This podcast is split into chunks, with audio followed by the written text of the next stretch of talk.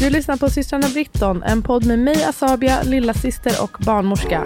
Och med mig och Poa, stora syster och dola. Det här är en podd om graviditet, födsel och föräldraskap och allt det stora och det lilla som kan rymmas i det. Vi blandar fakta med personliga upplevelser och hoppas kunna bidra med ökad kunskap, men kanske mest av allt ökad trygghet för dig som lyssnar. Ja, precis. Att du som lyssnar känner dig lite tryggare i att fatta egna beslut utifrån dina unika förutsättningar. Och förhoppningsvis blir det några skratt på vägen. Stort tack att du lyssnar. Nu kör vi veckans avsnitt.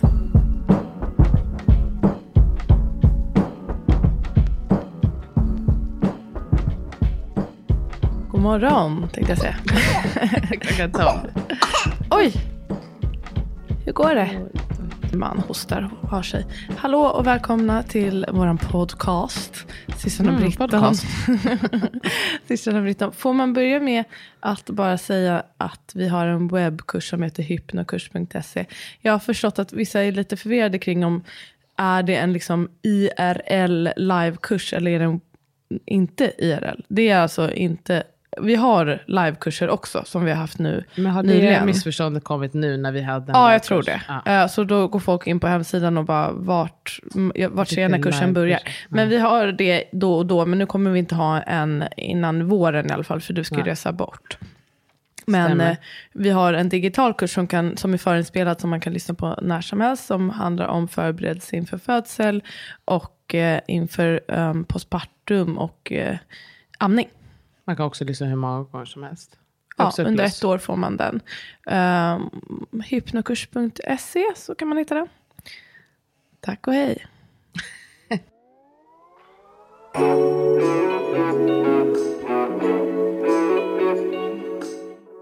Vad heter det? Opo, hur mår du? Eh, jag mår trött. Mm, Trött banan. jag mår trött. Ja, jag känner det är min enda. Men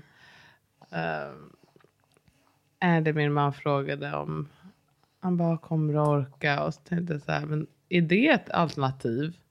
Så han sa att det var ett alternativ. Kommer du orka idag, podda?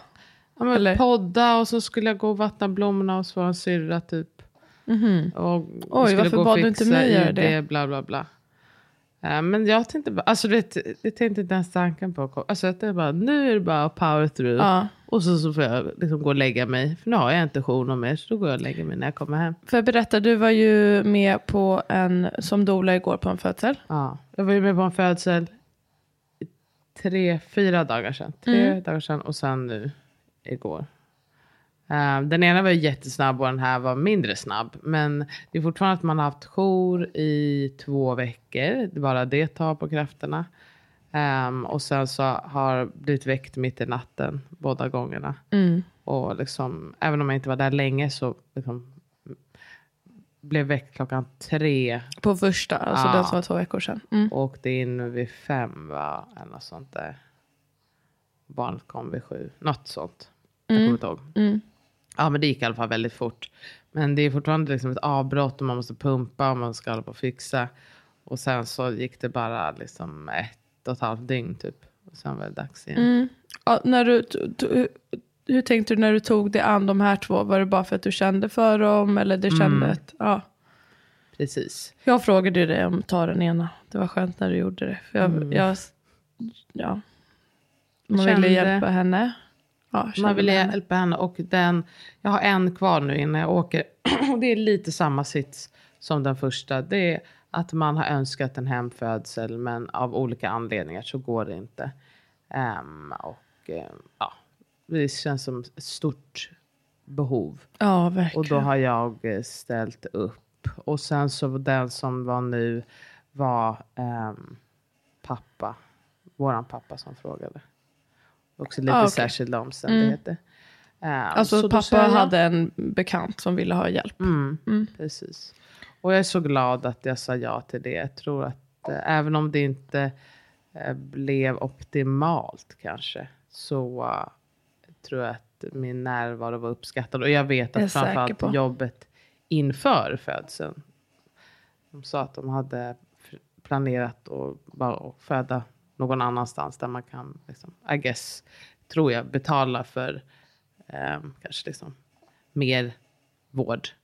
Vadå? Det, är det här första eller den här första som Nej, den som jag var på nu. Ja. Okej, där man kan betala för Ja, mer men vård. kanske liksom så. att man eh, vet vilket sjukhus man kommer få komma till. Man kanske kan få vet, liksom, eh, anställa en privat barnmorska så att man vet vilken barnmorska det blir. Det finns ju liksom lite andra eh, varianter utomlands. Jaha, utomlands. Jag bara, vart kan man Ja. göra det här? Nej, Okej. det var det låter Jag- jag- jag- nej, det nej, här nej, är att helt de har missat. tänkt åka utomlands. Okej, de ja, kommer ju wow. utomlands ifrån. Ja, okej. Och där hade de en plan. Och sen Mm. så eh, blev det så att de fick åka hit.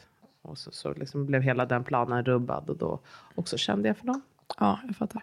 Eh, och så var du ju där länge. Vill du berätta Mm, om i mycket gårdagen? längre.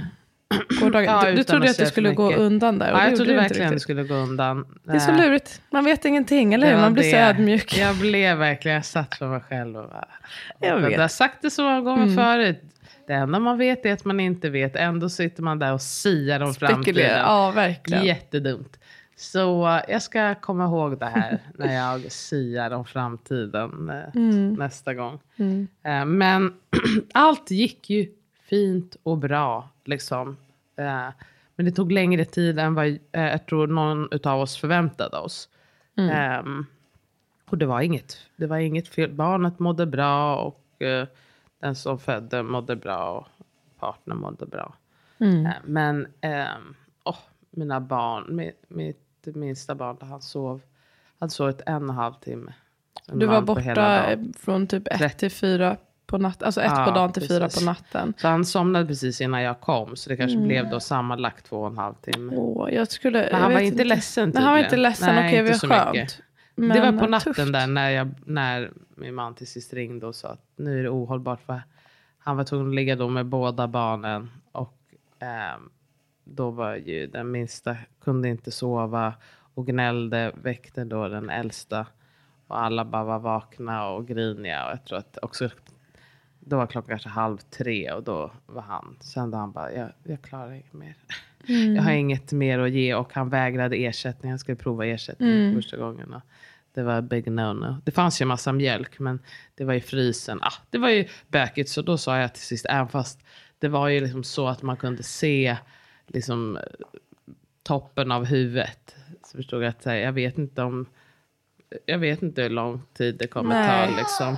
Det här, jag, Ehm, jag minns du när du passade Lalo, när han var, då var han fyra månader tror jag. Då ringde Mm. min kompis med som jag inte hade tänkt vara med jag, på hennes födsel. Men hon ringde och bara, jag behöver att du kommer hit typ. Och då släppte jag ju såklart allting och åkte dit. Men det var ju inte helt lätt med en helammande person som inte tar flaska heller.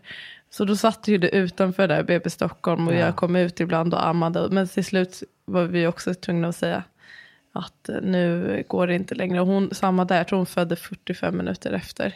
Ja. Det är synd. Men man var ändå, närvaron innan spelar ju också roll. Nej, men jag tror att det är väl, för den som föder är det väl det som spelar mest roll. Liksom de 13 timmarna var väl liksom det viktigaste ehm, för dem. Eh, men det är klart att man själv när man har varit med hela tiden och allting leder ju upp till det här uh, liksom klimaxet när man får se dem möta sitt barn och de är så glada och liksom man får se att det går bra och man får liksom put a bow on it. ja, liksom, verkligen. Man får också någon release Ja, i det. själv. Ja. Och så, så det här när man kan nästan känna att man liksom går på moln och bara oj, Mm. oj, oj, ett liv är fett. Nu gick jag därifrån. Jag visste då inte att eh, barnen hade somnat så jag var liksom kände dåligt samvete att jag hade lämnat dem. Och sen så, eh, Du visste inte att barnet hade somnat? Alltså mina två Aha, barn okej. hade somnat hemma. Så jag tänkte nu sitter de, för när jag ringde då gnällde de båda två i bakgrunden. Så jag tänkte nej men nu lider alla för att jag är här, jag borde ha gått tidigare. Så dåligt samvete all around. Ja, och ringde taxi och tre stycken avbokade. Och på Taxi Stockholm var straight up bitch när jag ringde. Tråkigt. Då bara började jag gråta. Åh, stack. Ja, Hoppas så- du får sova tidigt idag. Ja, Och jag tycker det är jättebra att du ska få ehm, vara helt ledig här snart. Ja men alltså jag tänkte på det. Det är väl en positiv grej att jag tänkte på Portugal och bara nej men gud, då ska jag verkligen, vilket har, har ibland har jag känt bara, om, hur ska jag orka vara, vara med de här barnen 24-7? Du kommer Sen orka bara, det. Ja, jag kommer orka, men också att så, här, så mycket av det kommer bli så kul. Ja, verkligen. att du, bara kan ju, få du vara har ju också, med dem. du är inte själv heller. Du har ju möjlighet att gå undan och bara tanka lite Ja. grann. Och så blir det en annan pace och ni kan underhålla er på massa sätt. Det ja, kommer han vara är sex månader då, så då kommer han få börja äta lite så smått. Det ska också bli roligt. Liksom. Det kommer hända så mycket för honom Nej, där. men det kommer hända så mycket. Och nu har vi bokat alla ställen där vi ska bo. Och det känns så jäkla pepp. Det Kul. bli ett riktigt äventyr. Men vi kommer prata mer om resan och en resa med barn generellt i nästa avsnitt. Mm, mm, mm. Så stay tuned. Shut up. Men du, Hur mår du? eh, jag mår jättebra. Men nu vill jag sätta igång med frågestund. För vi har fått så många bra frågor så att jag vill hinna med ett par stycken. Så vi kör igång. Vi kör. I'm Sandra, and I'm just the professional your small business was looking for. But you didn't hire me because you didn't use LinkedIn jobs. LinkedIn has professionals you can't find anywhere else, including those who aren't actively looking for a new job but might be open to the perfect role, like me. In a given month, over 70% of LinkedIn users don't visit other leading job sites. So if you're not looking on LinkedIn, you'll miss out on great candidates like Sandra. Start hiring professionals like a professional. Post your free job on linkedin.com/people today.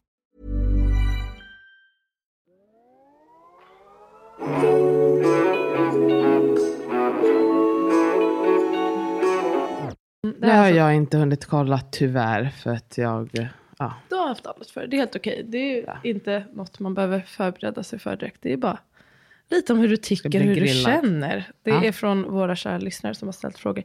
Bra frågor måste jag säga. Får jag säga också att det Mm. var väldigt kul där på eh, förlossningen häromdagen. För då sa lite tyst, sa undersköterskan jag lyssnar på er podd. Ja, vad Jag tycker roligt. den är jättebra, jag lär mig massor. Åh, det var roligt. Vad roligt. Jag glad över. Vad hette hon eller han? Eh, tyvärr kommer Jag jag, tänkte inte ge en ihåg. shoutout. Men Shoutout Sara hette hon undersköterskorna på NKS. Var de härliga? Personalen var mycket trevlig. Härligt. Okej, vad är det bästa med att ha barn? Och i samma fråga var, har ni förlorat kontakt med barnlösa vänner efter att ni har fått barn? Förlorat kontakt med barnlösa vänner. Inte som jag kan komma ihåg faktiskt. Nej, inte som jag kan minnas. Jag kan inte komma på någon i alla fall. Ehm, men det finns ju kanske några som man inte umgås med lika mycket. Men det är också lite sådär livet. Man får ju liksom lite nya polare och, och sådär. Ehm, men det bästa med att ha barn är att, att jag tycker att, um, i alla fall för min egen del, att jag tror att jag har blivit en lite bättre person. Att, liksom, lite, att jag tänker liksom lite mer på vad jag gör och hur jag beter mig och liksom vill gärna vara så bra som möjligt för att vara en bra förebild för mina barn. Så det, och så ser det ju också liksom ett riktigt, jag som älskar äventyr, det är ett riktigt äventyr med barn. Man vet ju, även om vi bara ska gå ut för en dagsaktivitet så vet man inte vad fan det ska sluta. Jag sa det häromdagen när jag åkte på ehm, till badhuset med barnen. Och, eh, Ja, när vi badade hela familjen. Ja, precis. Men att ta med dem, eh, båda barnen ut i simhallen, det kändes som en ex, extrem sport som man inte vet hur det kommer bli. Ehm, ja, verkligen. Det är ett äventyr. Det var ett bra svar. Jag tycker att jag har inte förlorat mer kontakt med barnlösa vänner. Alltså jag har förlorat kontakt med folk med barn också. Ja, det är som Ja, du säger, precis. det är som livet är. Jag tycker inte att, jag har, att det är en tydlig trend i mitt liv. Däremot skulle jag nog säga att föräldraskapet har gett mig många nya vänner. Jag tycker det är väldigt lätt att bonda över föräldraskapet med folk ehm, och få nya vänner i det. Och det, hade, det var en så här oväntad väntad eh, fördel tycker jag med att få barn. Jag tycker det bästa med att få barn, jag tyckte ditt svar äventyr var jättebra, så jag instämmer. Men även att eh, liksom att inte bry, jag bryr mig så mycket mindre om så här små saker. Alltså jag, det är väldigt mycket, det allra mesta som är underordnat mina barns välmående och det är väldigt skönt. Um, med det sagt, det går också in, där går också mitt eget välmående in i det. För att om jag mår bra så mår de bra. Och därför vill man också vara sitt bästa jag och utvecklas. Och um, bli en bättre person för dem och ha, vara en förebild för dem. Det är väldigt skönt att också ha släppt mycket ego eh, i att ha barn. Och jag. också det här med att, att visa att det är viktigt för mig att ta hand om mig själv. Mm. För att det är också viktigt för er att ni tar hand om er själva. Så att säga. Ja. Och sen så Visa det. Nu vet jag inte hur det är att ha lite äldre barn, men med små barn så tycker jag också är väldigt kul att få in leken i livet igen. Alltså det är så mycket lek och barnasinne. Det är väldigt roligt. Tycker jag. Roligt. Det har jag nog inte tillräckligt. Tycker du inte? Noterat. Nej, Jo, men det, ah, jo, ibland sådär. Men det skulle nog kunna bli lite mer. lite mer lek. Mm, Du har många år på dig. Mm, verkligen. Nästa fråga. Ehm, tips på vad man kan unna sig i slutet av graviditet för att hylla och fira sig själv. Det känns ju som din, du kan svara på. Jag kan svara först eftersom du inte har fått fråga. Du kan tänka medan jag svarar. jag vet ja, du jag, vet direkt. Säg. jag tyckte det var underbart. Jag var en tjej som heter på Instagram Holistically. Om du Eh, bor i jag Stockholm. På, ja, om du bor i Stockholm. Hon hade en ljuvlig ansiktsmassage. Mm. Det var så skönt att ligga där under liksom lite täcke. Och hon hade liksom ett bord som kunde komma upp lite så man kunde ligga på ryggen då. Och få den här äh, fantastiska ansiktsmassagen. Jag minns att du var så... Nej, men jag kände mig som... Jag kände mig blessed. Alltså, ja, att man bara, gud, beröring is a powerful thing. Mm. Och just i ansiktet, man har så himla mycket nerver. Det var liksom långt också, det var en timme och lite till och bara, Åh, jag måste bara boka det här. smälte. Det var underbart. Det om, var, vi, om vi kommer ihåg så kan vi länka till henne eller dela Ja. hennes konto. Ja men det är väl jättebra, men typ så. Eh, om du inte bor i Stockholm kanske inte du kan göra prick Just det. Men, eh, men något liknande, en massage eller ansiktsmassage eller fjärilsmassage om du har någon Sådär som gör beröring. det. Beröring. Du Det- gjorde ju fjärilsmassage på mig. ja. ehm, när jag väntade något barn. Avslappningsmassage. Avslappningsmassage, alltså sån här taktil massage, det var underbart. Jag tycker även um, förlossningsförberedande och akupunktur, det är väl inte, det är också lugnande. det är lugnande tycker jag. Och det, är- det, kan- om man har en avslappnande dag för sig själv så kan det vara ett stopp. Om man har någon ehm, i, där man bor som gör förlossningsförberedande akupunktur. och- Ja, det är bra svar. Gör en pedikyr. Ja, precis. För att man inte riktigt når sina fötter som man gjorde en gång i tiden. Ja, och att härligt att dem känna sig lite skrubbade och- tjusig. Verkligen. Okej. Här är en ganska relativt stor fråga. Ehm, drömmer om att föda hemma, men det går inte av medicinska skäl. Hur gör jag en sjukhusfödsel så hemlik som möjligt?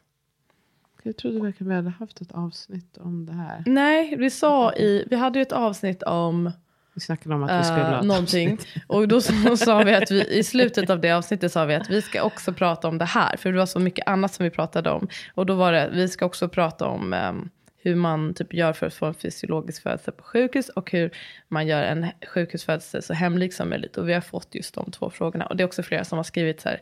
Jag föder om två veckor typ. Kan ni snälla ha det här man göra?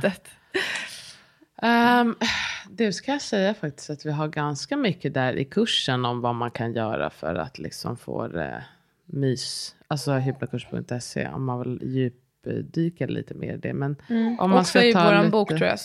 ehm, som Ja, släpps den i kommer. september. Men om man ska ta liksom lite snabba svar så ehm, ha med sig egna kläder, en egen morgonrock eller pyjamas eller något sånt där. Det är helt, man får, det är folk som frågar mig äh, ganska ofta om man får ha sina egna kläder. Och det Absolut. Man ha. får man ha det. det om man ska opereras så behöver man ju vara operationsklädd. Men annars så går det ju jättebra ha sina Innan och egna efter kläder. och sådär. Ja. Precis. Och Men- även, för, förlåt, och även om man, folk kan kommentera det att nej, men jag älskade att ta på sjukhusrocken. Och då, fine, ta på sjukhusrocken. Men det finns också en subtil trygghet. Om du vill göra det hemlikt. Om man vill göra det så- hemlikt, precis. Och den här eh, subtila tryggheten och oxytocinhöjande tryggheten kan en, även finnas där, även fast man rent logiskt känner att ja, men det är mysigt med sjukhusrocken. Ens egna kläder ger en, då en, en känsla av att jag är jag och jag är i kontroll. Precis. Sen också att ha med sig ett eh, födelseteam. Kanske, oj, kanske en partner eller, och, och eller någon annan som man känner sig trygg med. Det kommer också ge en känsla av att man inte är utlämnad till liksom, sjukhuset och sjukhuspersonalen. Ehm, man kan ta med sig saker som liksom, har en doft som man tycker om. Man kan ha med sig aromalampa. Det brukar de flesta sjukhus tycka är okej. för det har ju inte en så stark doft och det går inte heller in i andra rum. Och man behöver inte tända med någon typ av eld. Ehm, eller att man kanske bara har liksom, någonting på en trasa som man kan dofta på. Typ olja doft, på en trasa eller så. doft är ju en väldigt eh, kraftigt sinne. Som kan, liksom, ja, vi har mycket minnen kopplade till doft och sådär. Då kan man gärna använda de, samma dofter då när man slappnar av under graviditeten så Mm. att man känner igen dem. Lager, Även att eh, man kan försöka täcka för eller i alla fall sänka volymen på apparater och så som piper. Precis. Att försöka få bort det där som verkligen signalerar sjukhus. Och det är samma där, även fast man kanske logiskt sett är trygg med att vara på sjukhus så um, svarar inte oxytocinet till den där logiska tryggheten utan mer djupliggande trygghet. Och då kan apparatur som signalerar sjukdom och eh, fara vara negativt. Så där kan man be att få täcka för eller sänka volymen. Man kan också, s- ehm, en sak som kan vara störigt, det är ju det här om det är liksom ganska mycket spring. Att ah, man har för intention att någon ska vara på plats men de måste gå in och ut. Att man då kan säga att liksom, hellre kom in när vi behöver göra någonting än att någon är här fem minuter, går och så är ingen här på en kvart och sen så kommer någon in och ut. Och så för att man kan bli väldigt störd liksom, av det här. Och har man sitt team, då kan man ju till och med, om man känner sig trygg med det, säga vi ringer när det är någonting. Och så kan ni komma in om ni måste göra någonting. Men annars så, liksom, så är vi Precis. fulltaliga och det känns eh, bra för oss. Och ta, det går ju hand i hand med att ta ägarskap av rummet. Att det här är mitt rum där jag ska föda och eh, försöka tänka att jag inte är en gäst här. Utan det här är mitt rum nu. Eh, och de andra är här för att bistå mig. Ehm, det är inte alltid helt lätt. Men man kan ha som en, lätt, försöka ha det mindsetet. Det är också olika, personal kommer vara olika liksom. eh, Tillmötesgående till det med det. absolut. Precis. Man kan Men- även ha med någon annan liksom, detalj hemifrån om det är ja, men, tofflor, en egen kudde, någon annan Egna trygghet. sängkläder.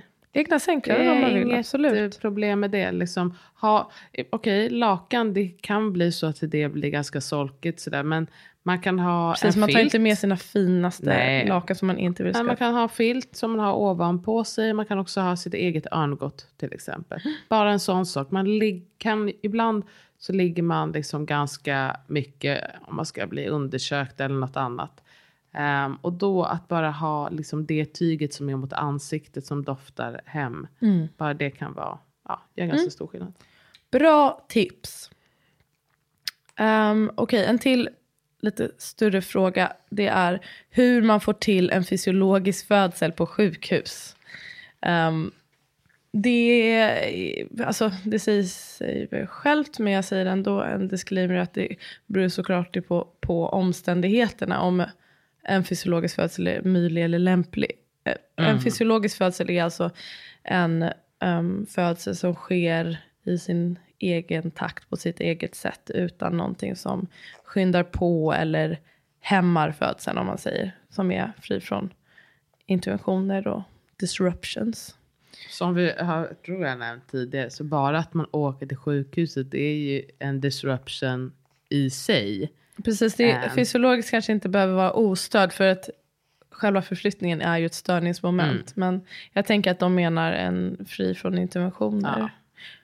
Skriv ett bra förlossningsbrev där man är tydlig med vad man önskar. Ehm, det tror jag är en bra start och att man ser till att man har flera ex och att den, inte den som föder men någon annan är ansvarig för att se till att varje nytt gäng som kommer in får det i handen. Ja, och har förstått sig på det att man har en person som är lika väl förberedd som man själv är. Antingen om det här är partner, men det är kanske ännu bättre om det är en doula eller en annan person som inte är lika emotionellt investerad som kan eh, föra ens talan. Men jag tänker att det också handlar väldigt mycket om att inte bara göra så som jag upplever att många gör. Man tänker typ att ja, men jag, jag vill eh, föda utan, det brukar väl vara oftast utan be- bedövning, typ utan medicinska, epidural, utan epidural. Och sen så har man kanske inte gjort mer än att tänka den tanken. Jag tror att mycket av det som är viktigt är det som sker innan man sätter fot i det där rummet. Och det, det säger jag ju alltid, men jag säger det igen, att den här förberedelsen handlar inte alls om att kroppen inte kan, utan att eh, framför allt att det här förlossningssystemet som vi har innebär väldigt många störningsmoment för den födande kroppen. Det är liksom inte gjort för det fysiologiska födandet på många sätt. Ehm, det finns mycket som kan hindra det, så därför är förberedelse så viktig. Förberedelse kan man göra på olika sätt, men jag tänker dels kun, lite kunskap om de här interventionerna som är så vanliga. Ja, och Ehm, rutiner. Vanliga rutiner så man vet lite vad man kan vänta sig. Vad man Ehm, säger ja till och vad man säger nej till. Mm. För det kanske är några interventioner som man bara, nej men vet du vad, det där vill jag faktiskt ha. Ja, jag har absolut. tänkt att jag vill ha interventionsfritt, men jag skulle känna mig liksom mycket tryggare med att ha vaginala undersökningar varannan timme. Eller det känns skönt för mig att veta att när jag kommer in att då vill jag att de ska ta en kurva. Så att de känner sig trygga och jag känner mig trygg. Precis. Alltså, vet, man, vet man lite om vad som ska ske så kan man också ta ett informerat beslut. Och det är väl det som mycket handlar om. Alltså mer än att man inte ska göra det ena eller Ja, andra. för det, det, det tycker jag också att är en viktig sak att just förklara för sig själv. Varför vill jag det jag vill? Om man till exempel har tänkt nej men jag vill ha så lite interventioner som möjligt eller jag vill ha fritt från interventioner. Ja men varför? Eller vad, vad innebär det för dig och varför vill du det? Och jag tycker det finns inget rätt och fel där, förutom kanske att skälet inte bör vara någon typ av prestige, för det är ett dåligt, ehm, en dålig utgångspunkt för det som man ska göra. Att tänka att man gör för någon annan, det ska ju bara vara för att man tänker att det är det som är bäst för en själv. Mm. Ja. Är men jag tänker lite kunskap om systemet, lite kunskap om kroppen och vad som sker så att man får en tillit till den. Ehm, lite kunskap om födselns olika skeden och att det kan se ut på väldigt många olika sätt. Att det inte alltid följer den här väldigt snäva sjukhusmallen. Att va- normalvariationen är stor. Ja, Det är ju det också. och att man kan gå på sin egen instinkt väldigt, väldigt många gånger. Om man kan försöka öva på det och lita på det tror jag att man kommer långt med. Ehm, och att känna till den här stadiet eh, transition tror jag är jättebra. Att man vet att det finns en period under födselns gång där det kan bli väldigt intensivt. Och då är det vanligt att kanske kasta alla de här eh, tankarna ut genom fönstret. Att man, då vill man ha all bedövning och så. Att känna att, ja, förbereda sig med kunskap och att eh, ha ett stödteam som är Också lika förberedd. väl förberedd och kan stå upp för dig. Yes. Så att vi skulle svara snabbt. Nej, det sa jag inte. nej, jag, jag sa det. Ah. Så- Eh, nej men det jag sa, det är stora frågor. Jag tycker Det det att man kan inte ge allt för... Eh, man kan ju till, svar. ägna hela avsnitt till det här också. Men som sagt, i, i kursen och i boken kan man djupdyka lite mer. Okej, eh, tips på att lindra smärta i underlivet efter förlossning. Kylbinda skulle jag säga. Tyckte jag var mitt bästa. Tid. Att ge det lite tid. Ja. Mm. Och säg liksom hur du gör bättre. din kylbinda. En optimal kylbinda. Eh, optimal, optimal. Men då, jag, ehm, ehm, jag... Den här gången så hade jag köpta kylbindor. Men när jag gjorde dem själv, då tog jag bara en helt vanlig binda. Jag tror, jag kan tänka mig att tygbinda skulle funka Ja. väldigt bra för det här. Mm. Ehm, och så, så hade jag på vad heter det, trollhassel och aloe vera gel. Men man kan också bara liksom spraya den med lite vatten.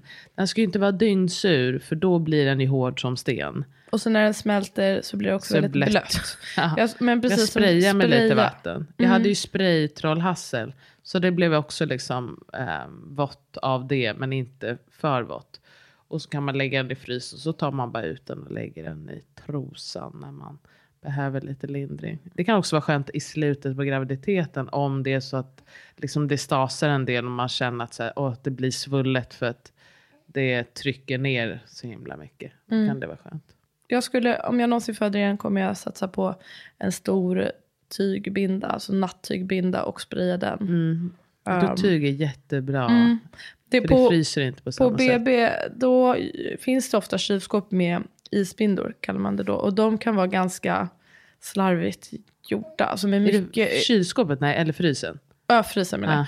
Ehm, och folk är väl olika bra på att göra dem där. Men det kan vara väldigt mycket vatten i och de är väldigt kalla och mycket is. Liksom, så det kan vara, Ja, det kan ju men göra ont nästan om det är för kallt. man kan vänta då lite grann innan man Eller lägga tar i något den. tyg Eller lägga något emellan. Men det finns oftast att eh, få om ni frågar på BB. Okej, era rutiner med era barn. Mat, sömn, nattning etc. Så kul när ni är personliga. Har du några det kommer rutiner? vara väldigt kort. Okej. Ja, väldigt. Nej, jag försöker gå och lägga eh, mitt äldsta barn klockan åtta. Det går kanske 50 procent av tiden. När brukar hon lägga sig annars då? Halv nio, nio, nej, ja, Mm. något sånt där.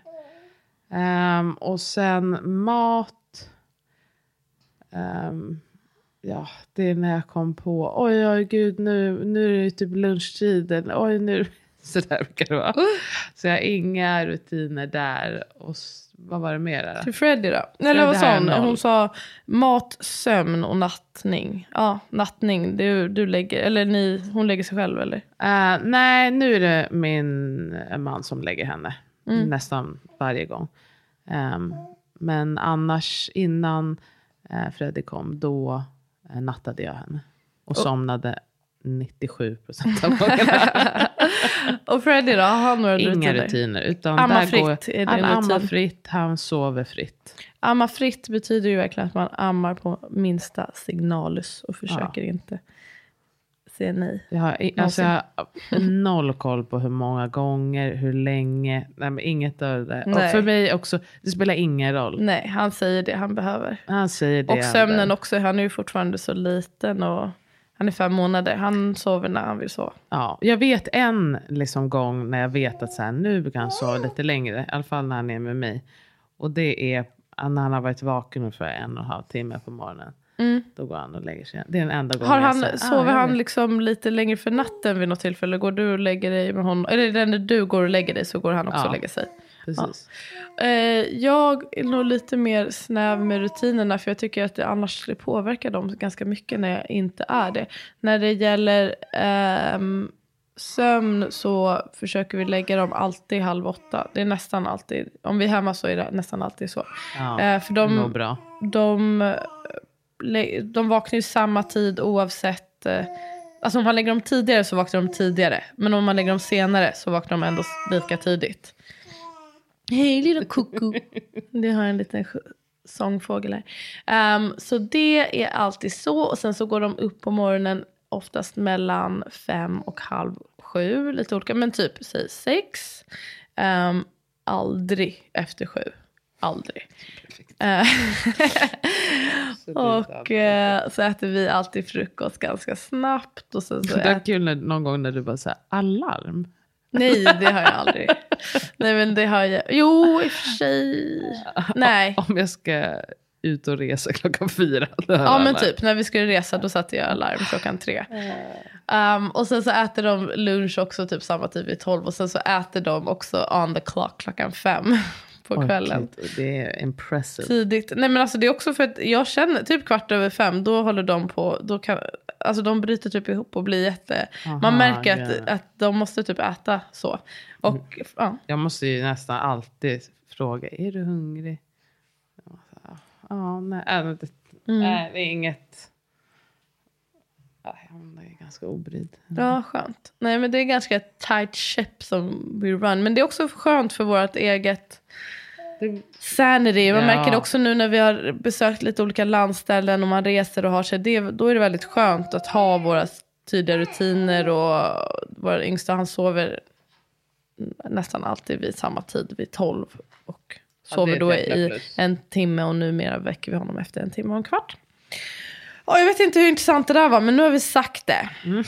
Ehm, ja, nej, det här är för svårt, jag orkar inte. Uh, Jättekul att jag sitter här med min tutte ute. Ja. tutte Synd att vi inte filmar. Det hade vi kunnat ha på, vad heter det, Onlyfans eller någonting. Åh nej. Okej, vad, vad är det här? Vad hade ni jobbat med om ni inte var sjuksköterska, barnmorska, doula? Um, jag... Oj, Gud, jag kan. Oj, Gud. Hade jag fortfarande sökt min väg i världen? Hade jag fortfarande hållit på att ta högskoleprovet för att bli läkare? Eh, hade jag fortfarande... Nej, jag vet inte. Jag hade Det hade väl... varit kul tycker jag lite grann att äga ett eh, café. Det har vi ju pratat mycket om. Mm. Och jag gillade den tanken i teorin. Men jag tror inte jag... Det är inte för Jag mig. tror att jag hade klarat det. Du hade klarat det absolut. Du, du hade gjort så vackra grejer. Du hade kanske Det jobbat hade med varit mat. ganska kul. Um, någonting kanske liksom med lite mer kreativ ådra. Hade varit roligt att göra.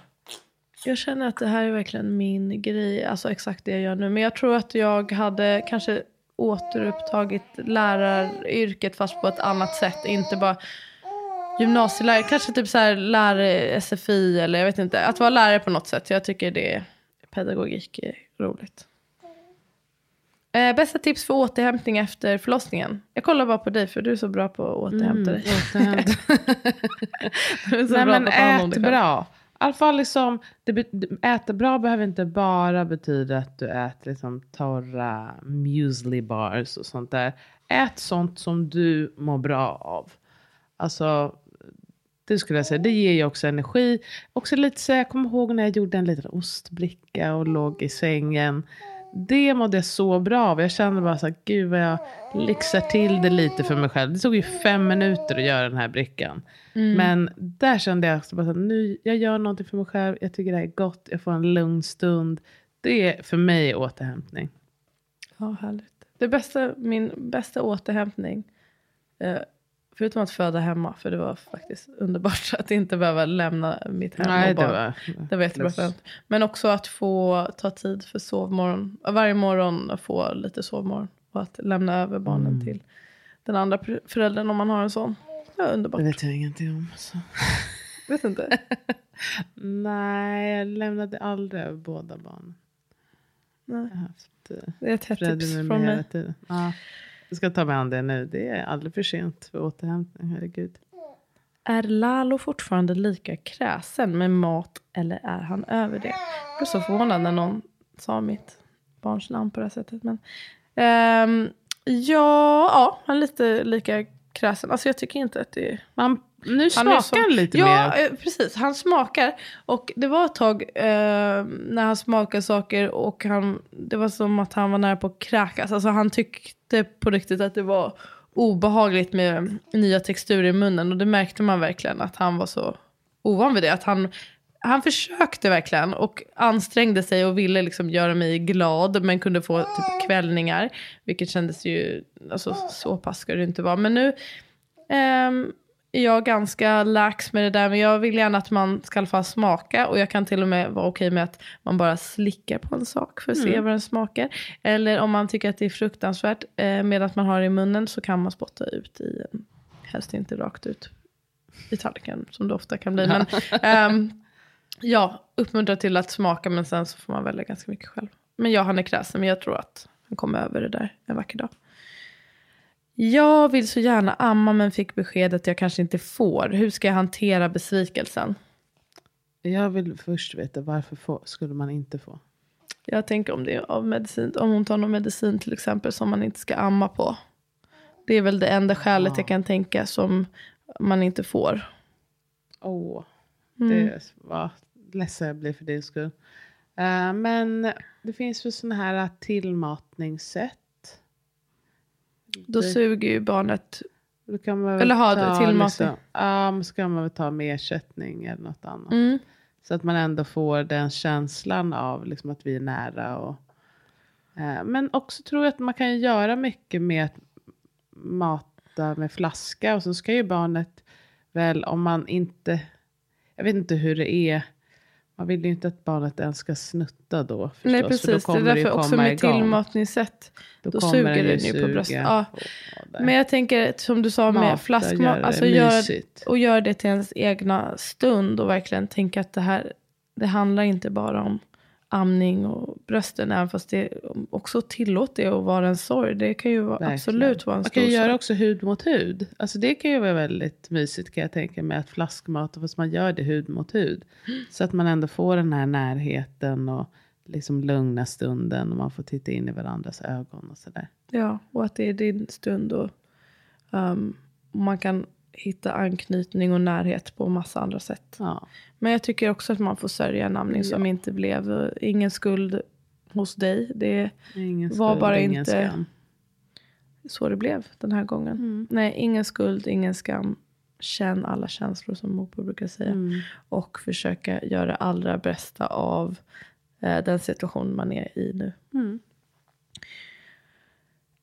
Ehm, vad har jag rätt att tacka nej till på sjukhuset? Finns det något som är orimligt att tacka nej till? Hur gör jag om ett nej inte respekteras? Det som är orimligt är om, om det är någonting som är en stor fara för dig eller ditt barn. Och det kan ju vara svårt att avgöra vad är en fara och vad är inte en fara. Det, tips är ju det här... Brain. Ja, bra- jag säger algoritm. Nej, akronym. Akronym, ja. ja. Jag sa algoritm för ibland. det är något annat. Men att man kan, om det inte är väldigt akut, om det är väldigt akut då går det undan och då finns inte tid att liksom ställa frågor. Men oftast är det inte väldigt akut utan oftast så finns det tid att ställa frågor om vad är the benefits, alltså nu ska jag rabbla den här Fördelar. akronymen. Fördelar. Eh, vad är riskerna? Vad finns det för alternativ?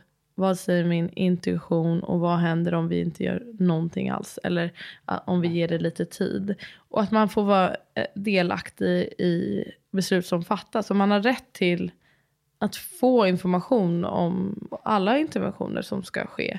Och man har rätt till att säga nej till allt som sker på ens kropp. Det är så otroligt ofta jag får höra det här med till exempel någon som sa att hon inte fick ha sina egna kläder för, för barnmorskan. Hon, hon hade tagit med sig men hon sa att man inte fick. Alltså det är, inte ridiculous. Du är en vuxen person. Såklart du får. Det här är inte heller tvångsvård. Och det var någon annan, jag la upp en grej om eh, skalpelektrod häromdagen. Alltså bara, alltså det var, var verkligen inte för eller emot skalpelektrod. Den kan ju vara jättevärdefull eh, många gånger. Så det är för att mäta hjärtfrekvensen på ett mer eh, tillförlitligt sätt och, genom att skruva på en liten elektrod på barnets huvud. En jättevanlig intervention.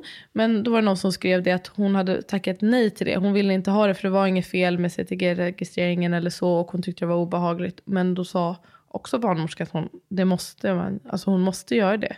Ehm, och jag blir så förbluffad Nej, att nej, alltså du måste Det är väl säkert inte. lätt att säga det och säkert 99% av gångerna så kommer den barnmorskan få sin vilja igenom. Ja, Att man bara, kan "Ha, absolut upp, okej." Det kan absolut ges intrycket att det inte är en valmöjlighet. Men det är väl en viktig grej som jag, vi vill förmedla med den här podden. Att man har valmöjligheter. Och eh, man ska ju hoppas och tro att personalen vill ens bästa. Men man är också en vuxen person som känner sin kropp väl. Och eh, är en unik människa som absolut har rätt att få säga ja eller nej. Och personalen är ju också människor. Alltså får man ju Ja, också komma ihåg. Och de olika. har ju också sina egna uppfattningar om vad som är rätt och fel och så vidare. Och så vidare. Och där kan man ju hamna i clinch helt enkelt. Ja, Så är det. verkligen. Och jag tänkte på den här frågan med fysiologisk födsel. Det kommer jag att tänka på nu. Och du får jättegärna svara hur du... Vad du hade gjort. Nu hade du kanske inte en sån ambition med din första födsel. Men om du skulle tänka att du hade det. Vad du då hade gjort annorlunda eventuellt. Jag tänker att jag hade gjort... Jag hade inte heller någon inställning att ehm, tacka ja eller nej till något. Egentligen hade jag tänkt bara... Jag går med på vad de säger. Jag litar på liksom barnmorskorna som jobbar där. ehm, och jag hoppades väl lite någonstans på det här. Men så, här, så lite intervention som möjligt. Gärna ingen medicinsk smärtlindring. Men visst, jag hade väl inte tänkt så här jättemycket närmare på det. Men ehm, där hade jag ju till exempel ehm, tackat nej till eh, vaginala undersökningar tror jag om jag skulle föda igen på sjukhus. Eller kanske första vaginala undersökning när jag kom eventuellt. Men sen sluta med det för jag tror att det skulle rubba fokus och det kan också leda till det här behovet av att skynda på saker som inte behöver skyndas på. Ja. Ehm, jag hade nog, det här är bara min egen, alltså utifrån min vilja. Det är inget som jag rekommenderar eller säger att någon ska göra. Men jag hade också bett om att eh, få vänta med verkstimulerande i och med att det inte var något som avvek eller egentligen behövde skyndas på. Alla mådde ju bra och nu vet jag också att det är vanligt med den här platån precis innan transition. Ehm, som jag tänker att det kanske var. Och Ja. jag tror också det gav mig en hel del hjärnspöken. Och, och det ledde också till att, som det ofta blir med interventioner, att en leder till en annan. Att, att jag då vill också ha epidural. Så det är väl några saker som jag hade tackat nej till just i den stunden och sen kanske omvärderat och sagt att nej men vi kör om jag märker att det stannar av alldeles för länge. Så det är väl några exempel på vad man kan. Är annorlunda. Mm. Är det något du hade gjort annorlunda så här? Jag hade förberett mig. Ja, Okej, det, hade, det är hundra procent det jag hade gjort annorlunda. bara, kanske bara crack open a book. Men det var bara som att jag började läsa Att föda. Läsa en avsida och bara fuck it, vet du vad? Det här klarar jag. Sen vet jag inte om jag hade valt den, men liksom, ha lite koll på sjukhusrutiner. Ha lite koll på liksom lite alternativ.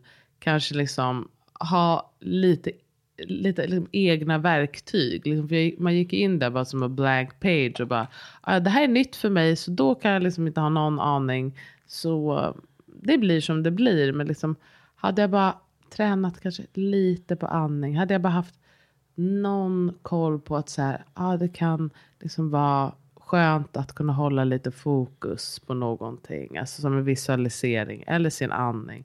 Eller något annat. Liksom. Det hade varit eh, liksom, jättestor skillnad. Sen hade jag också eh, mer sådär konkret i att jag hade sagt att vi, kan väl, vi behöver inte hålla på med så här mycket CTG. Utan ni får lyssna intermittent istället. Att för du inte kunde vara- vara rörlig eller? Ja, jag var, höll på att vara kopplad till den hela tiden. Och, ehm, ja.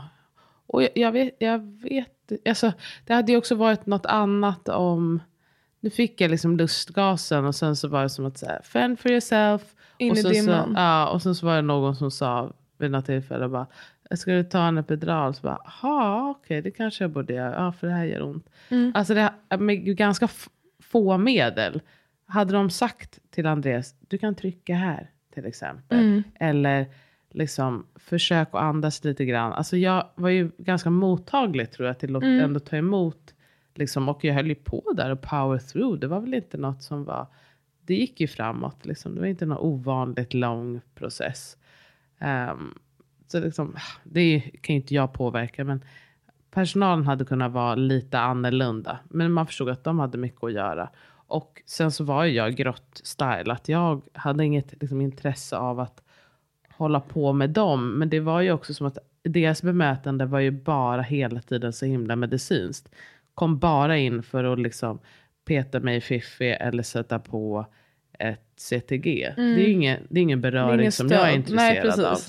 Eh, Så jag tror att hade det varit annorlunda, då hade det kunnat bli en helt annan upplevelse. Och om någon hade kunnat säga liksom bara, det här går jättebra. Jag kommer mest Du hade kanske hade haft med, även fast Andreas var toppenstöd, en, en Nå- doula eller Ja, någon Mm. som var liksom lite mera eh, erfaren kring det här Mm. med födsel. Ja, Det här med vaginala undersökningar, doula, det, ja, det var bra. det är en bra. Det Ja. Ehm, att jag, jag kommer inte ihåg exakt varför jag behövde gå upp i badet, men det var sånt skifte där i alla fall, att jag tyckte det var, rubbade hela mitt flow. Och ehm, varför de inte kunde undersöka mig i badet. Jag önskar att om, de, om man nu skulle undersöka. med din temp. Det var något med tempen, men det hade jag kanske också testat, bara duscha av mig själv typ.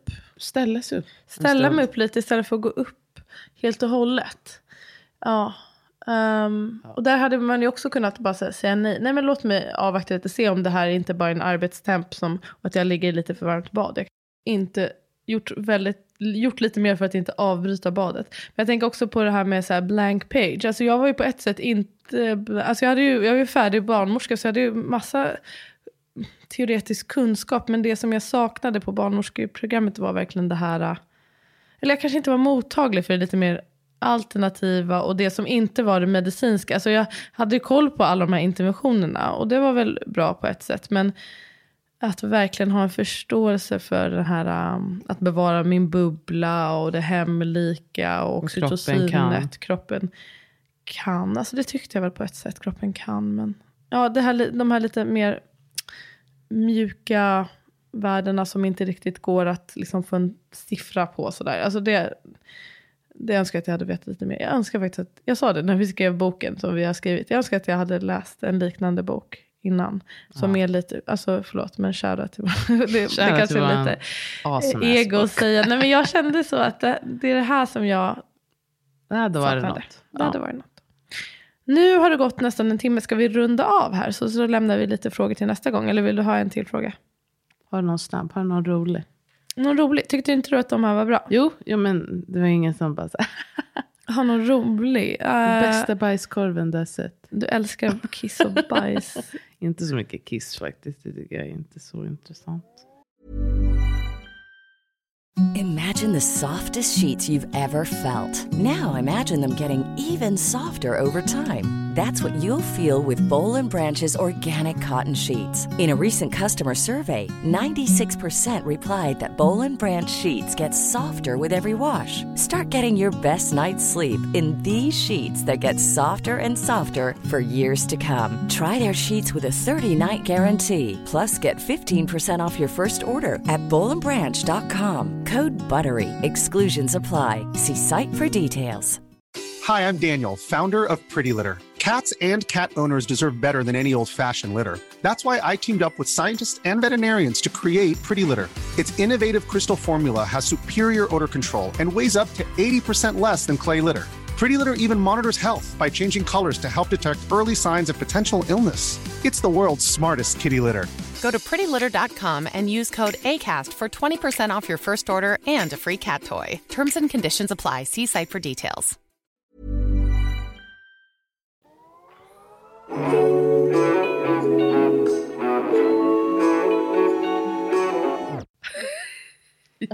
Okej, innan, vi, innan vi rundar av så har du en brännande fråga till mig. Vad är det för något?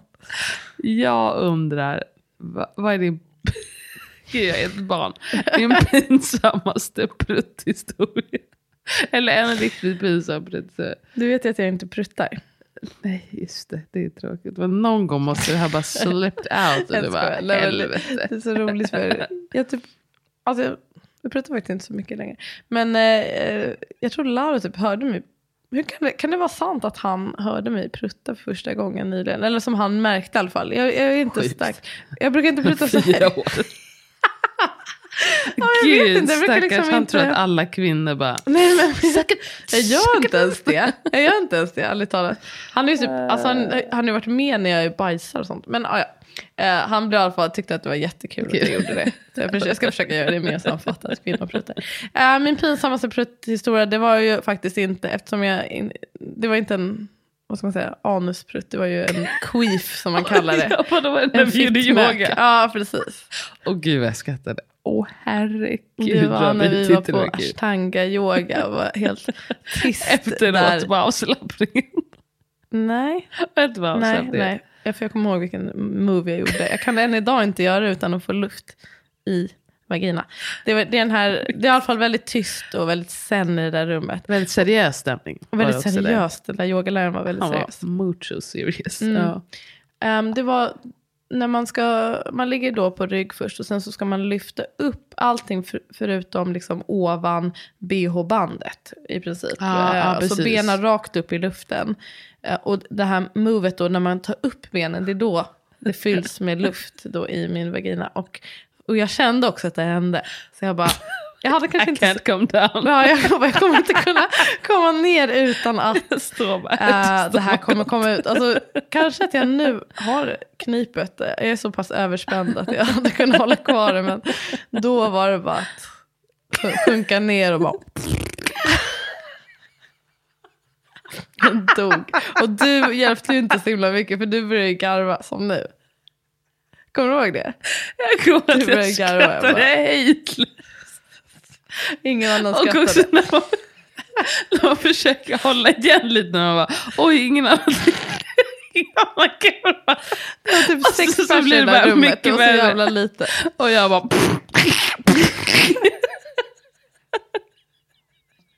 Det är så roligt att det är jag för jag är sådär, jag vet inte.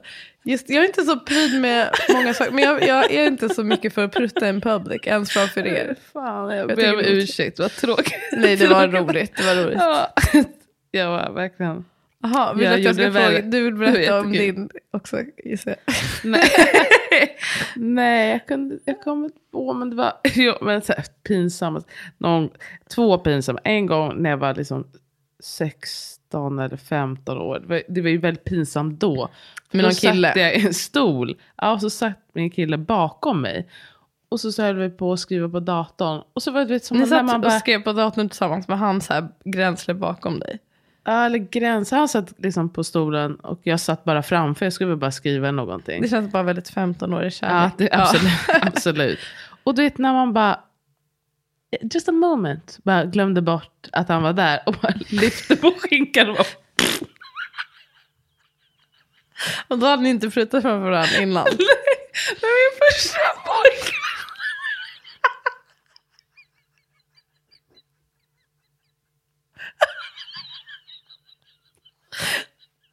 Det är jättekul. Vad, så- vad, hur reagerar kan man bara, kan jag bara smälta ner i. Han bara, vad fan gjorde du?